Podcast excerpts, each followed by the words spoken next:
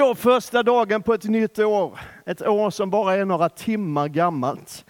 Ehm, jag har upptäckt att det skiftar lite grann hur betydelsefullt vi tycker att det är egentligen. Alltså för en del är det riktigt stort. Varje nytt år så, så ser de här människorna framför sig ett stort blankt papper eller en tom kalender. Och nu gäller det att få starten rätt liksom, och hitta rätt spår så att allt blir bra. Och sådär. Och för några människor så handlar ett nytt år ofta om ett förnyat hopp. Det är liksom det här året som det ska hända. Det är nu förändringen ska ske, det är nu förbättringen ska ske, det är nu genombrottet ska komma. Det är det här nya året som mitt nya liv ska börja. Och så finns det några av oss, jag är en av dem, tråkiga människor. Där liksom det här årsskiftet inte har så där jättestor betydelse. Och liksom vissa av oss citerar gärna liksom att ja, men det som hände, det är det som hände redan vid skapelsens början. Det blev afton och det blev morgon. Ungefär så. Eh, alltså vi noterar, nu talar jag om mig, jag vet inte om jag kanske är helt ensam om att vara sån här. Vi noterar ju liksom att det är ett nytt år. Vi är inte helt världsfrånvända, utan det har vi märkt. Va? Så. Och sen skriver vi fel några gånger. Eh, ett tag så här, liksom, därför att vårt kroppsminne är lite grann segt, speciellt i fingrarna vid tangentbordet. Så det kommer att bli 2022 några gånger till. Liksom så här. Och sen går vi vidare och fortsätter. Liksom. Vi mal på. Jag säger att, att mina kära medarbetare, Aron och Evelina, de tycker att han är så tråkig. Han bara mal på. Så här. Halleluja! Men grejen är att oavsett hur vi förhåller oss till det faktum att ett nytt år har börjat, så brukar det, tror jag, hos alla ändå finnas någon sorts moment av reflektion och tillbakablick på året som har gått. Eh, och i alla fall en och annan fundering på vad det nya året kommer innebära. Till och med jag. Och vi gör ju det i kyrkorna också. Vi funderar och vi ber, vi söker Gud. Och ofta har vi någon sorts vision Sunday så här i början på året. Vi planerar och visionerar och liksom försöker hitta det. Grejen. Det där. Det där som ska ge oss som församling en skjuts som ska skapa ny energi och som ska få igång ett momentum eller bygga på och förstärka ett momentum som kanske redan finns. Och inför det här årsskiftet så får jag erkänna, jag har funderat mer tror jag än vad jag brukar göra på vad det här nya året innebär för oss som församling. Vad vill Gud? Var är vi på väg? Vilka nya saker borde vi satsa på? Och finns det kanske till och med något som vi borde lägga av med? Det är en fråga man ställer sig allt för sällan i svensk frikyrklighet. Men mest av allt har jag funderat på just det här. Vad är det? Och då när jag har funderat på detta, och nu hoppas jag att jag inte gör dig alltför besviken, så har jag inte tänkt så där jättemycket på vad det är för oss. Jag har inte lagt så våldsamt mycket möda, ska jag erkänna, på att hitta vårt det. Men jag har funderat på vad vi tror att det är. Det där som ska skapa förändringen. Som ska få oss att nå ut i stan på ett nytt och starkare sätt.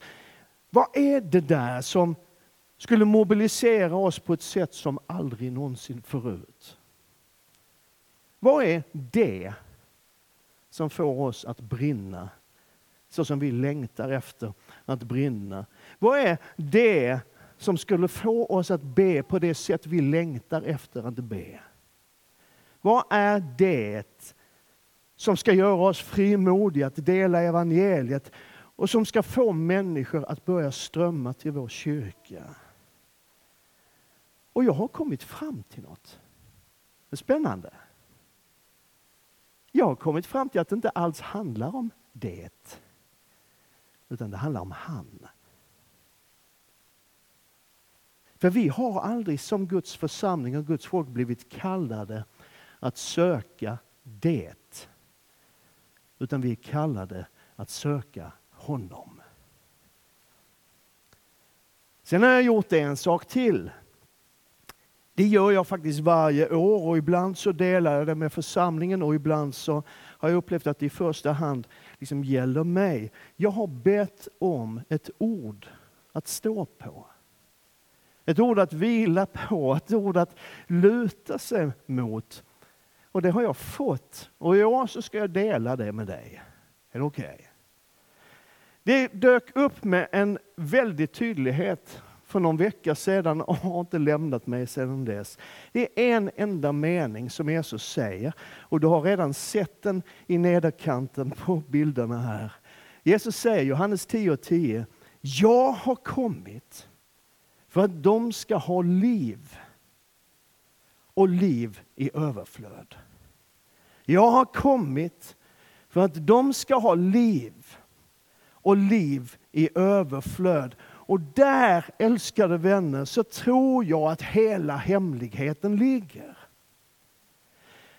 För att församlingen ska vara hälsosam och för att församlingen ska vara fruktbärande och för att församlingen ska vara attraktiv för människor, för att församlingen ska vara det som Gud har tänkt, så säger Jesus, ni ska ha liv. Visst är det bra? Och det ser man genom kyrkohistorien. Jag är hyfsat intresserad av kyrkohistoria, men om man ser genom kyrkohistorien så upptäcker man att det är inte så där jättemånga det som har skapat de stora väckelserna och som har inneburit de stora förändringarna. Det finns några sådana genom historiens gång, men i det stora perspektivet så är det en kyrka som är fylld av liv. Människor som är fyllda av liv som är den stora skillnaden. Det är ju bara den som har liv som kan ge liv. Eller hur? Det är djupundervisning idag. Anteckna. Det är bara ett levande träd som producerar frukt. Det är bara en levande åkermark som skapar gröda. Det är bara levande människor som föder barn. Och Bibeln är så tydlig. Den är så tydlig så att vi ibland liksom missar vad den säger. Johannes skriver i sitt första brevs femte kapitel, detta är vittnesbördet, att Gud har gett oss evigt liv. Och det livet är vad då? I hans son. Den som har sonen har livet. Den som inte har Guds son har inte livet. Och så lägger han till, detta skriver jag till er för att ni inte ska behöva tveka, för att ni inte ska behöva undra hur det är egentligen. Detta skriver jag till er för att ni ska veta att ni har evigt liv, ni som tror på Guds sons namn. Alltså, du har liv om du tror på Jesus Kristus. Jag tror inte att man gör allt för mycket våld på den här texten om man tänker att ju mer du har av Jesus, desto mer liv har du. Ju mer av Jesus som finns i ditt liv, desto mer levande är du. Samme Johannes skriver i den där magnifika inledningen av sitt evangelium som vi talade om för ett par veckor sedan, att i honom, i Jesus Kristus, var liv. Och livet var människornas ljus. Och ljuset lyser i mörkret. Och mörkret har inte övervunnit det. Alltså det liv, det liv som finns i Jesus och som du och jag har fått del av, vi som tror på honom. Det är det ljus som kommer att förändra världen. Det är vad det står här, eller hur? I honom var liv. Det livet är människornas ljus. Och det, Det ljuset, det har vi sagt förut, jag gillar den här meningen så jag säger den en gång till. Och det ljuset är så starkt att det helt enkelt inte finns tillräckligt med mörker för att släcka det. Det är inte så mycket, tror jag, metoder och strategier och nya idéer och spännande projekt det handlar om. Utan det handlar så mycket mer om det liv som vi har. Och hur mycket liv vi har. För det som drar en människa till Jesus, det är ju det vi vill, eller hur? Det som drar en människa till Jesus, din granne, din arbetskamrat, din skolkompis, är ju nog inte ytterst sett hur cool och spännande vår kyrka är. Eller vilka program och projekt som vi driver. Eller hur snyggt våra strålkastare lyser på scenen och hur tajta våra musiker är. Allt det där är bra. Men det som drar en människa till Jesus, och det här är jag helt övertygad om, det är när han eller hon eller hen ser mitt i vardagen, en vanlig sketen onsdag förmiddag, det är liv du har. Amen. När man ser den trygghet som finns i ditt liv. När man ser den stabilitet som finns i ditt liv. Och då kan man tycka, ja men jag är så svajig och det går upp och ner och jag tycker hit och jag tycker dit och ibland mår jag bra och ibland mår jag inte jättebra. Och allt det här som vi kan tänka om oss själva.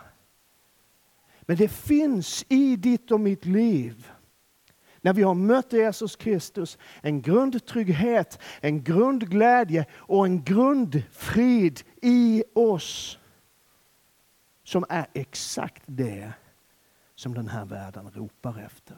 Som den här världen längtar efter. Man vet inte om det. Men när den är synlig hos dig och mig, när det liv som vi har med Jesus är synligt och påtagligt med närvarande mitt i vardagen, en vanlig sketen onsdag förmiddag, det är då som människor ser någonting. Det är då människors längtan väcks. Därför att det finns liv. Att det finns liv.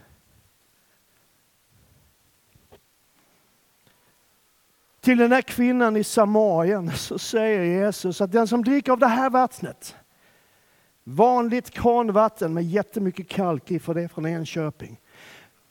Han blir törstig igen. Men den som dricker av det vatten som jag ger honom ska aldrig någonsin törsta. Det vatten jag ger blir en källa i honom med vatten som flödar fram till evigt liv.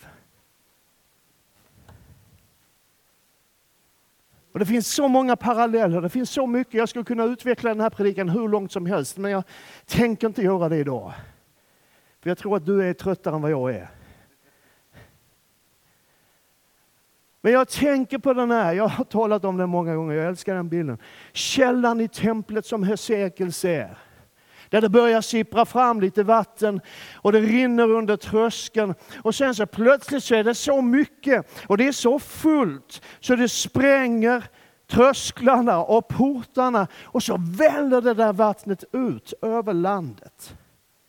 Och vet du vad det står? Det står att överallt där den här strömmen kommer, där blir det liv. Där blir det liv. Och Det betyder att det ska ju inte stanna där i tempelbyggnaden, utan det ska ut. Mitt i den vanliga sketna onsdag förmiddagen. Måste du använda sådana ord? Det är ren skånska, det är jättefront på skånska. På lövhygget, då högtidens sista och största dag så står Jesus och ropar ut att om någon är törstig så kom till mig och drick. Och så säger han det igen. Den som tror på mig, som skriften säger, ur hans innersta ska strömmar av levande vatten flyta fram.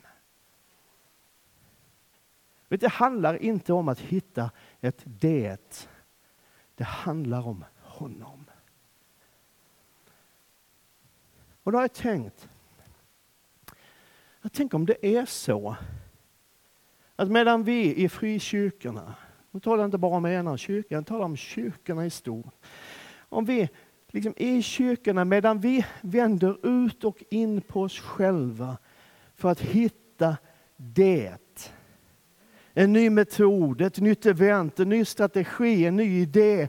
När vi är så allra mest upptagna med allt det där som vi känner att vi måste göra, så står Jesus där med öppen famn och säger Kom! Liksom för att understryka att det viktigaste är inte vad vi gör, utan vilka vi är i honom. Och det där är ju inte bara en tänk om-tanke. Utan det är ju så. Han säger ju, om någon är törstig, så kom till mig och drick.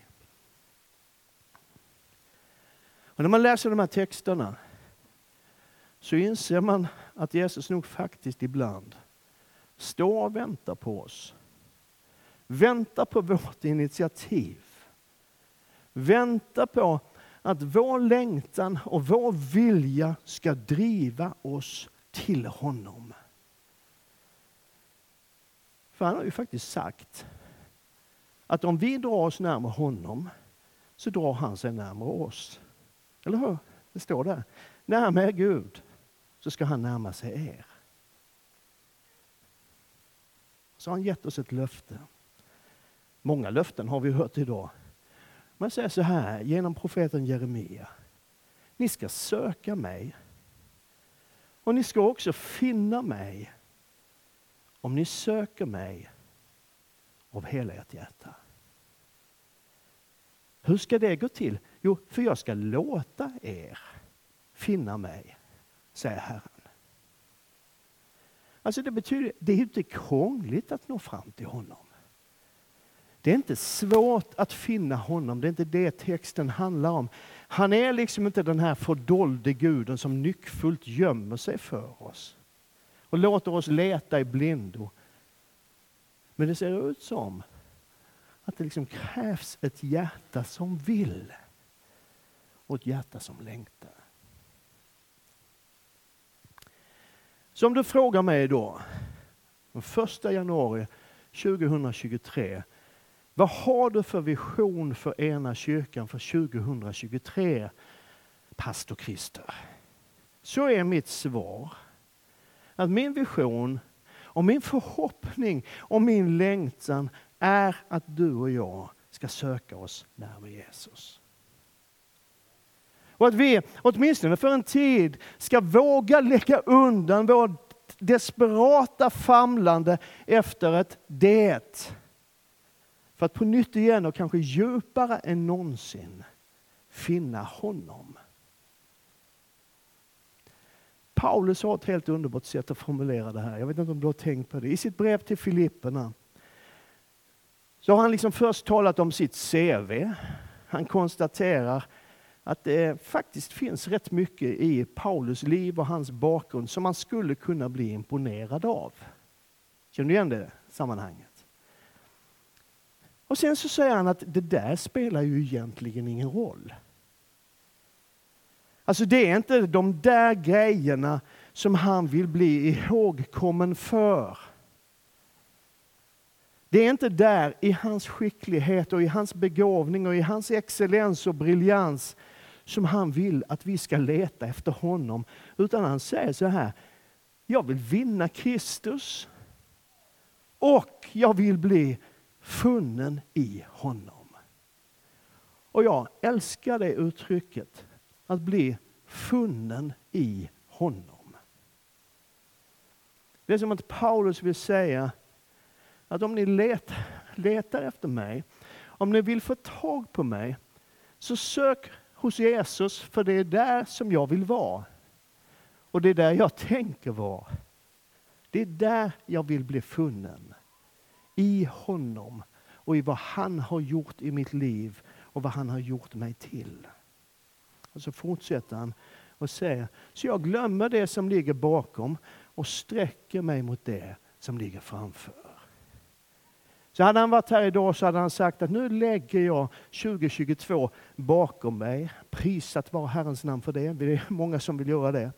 Och så sträcker jag mig mot det som ligger framför.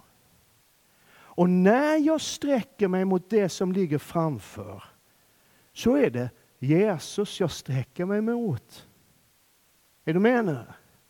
När jag sträcker mig mot det som ligger framför så är det inte alla grejer jag måste göra, allt jag måste uppnå, allt jag måste prestera och hur duktig jag måste vara. Utan när jag sträcker mig mot det som ligger framför så är det Jesus Kristus jag sträcker mig mot.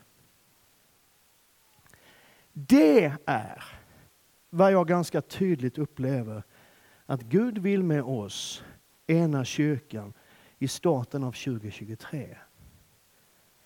Att vi sträcker oss med allt vad vi är och allt vad vi har av hela vår kraft och låter honom vara vårt fokus när vi går in i det nya året. Han som har kommit för att vi ska ha liv. Amen. Ska vi skicka upp lite lovsångare på scenen och så ska vi be tillsammans. Vi ska strax fira nattvard tillsammans. Men låt oss be. Rikta in våra hjärtan på honom. Som vill ge oss liv, som vill ge oss kraft, som vill ge oss sin härlighet. Och som vill vara med oss den där helt vanliga sketna onsdag förmiddagen i veckan som kommer och i veckor som kommer. Och låta det liv du och jag har börja flöda ut i den här staden. Herre, jag bara tackar dig för din godhet, för din nåd.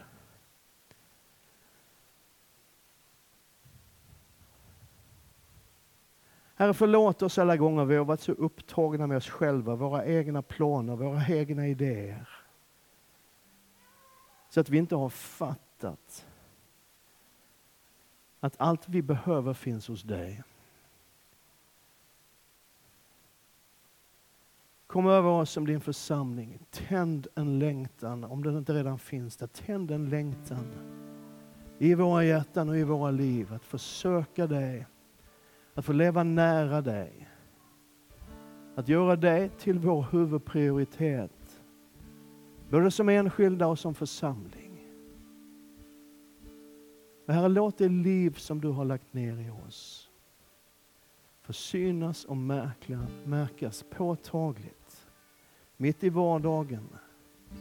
Bland släkt och vänner, arbetskamrater, skolkamrater, överallt där vi finns. Herre, vi vill inte att bara att det liksom ska sippra fram någon liten droppe här och var. Utan att livet som du har gett oss ska få bli en mäktig flod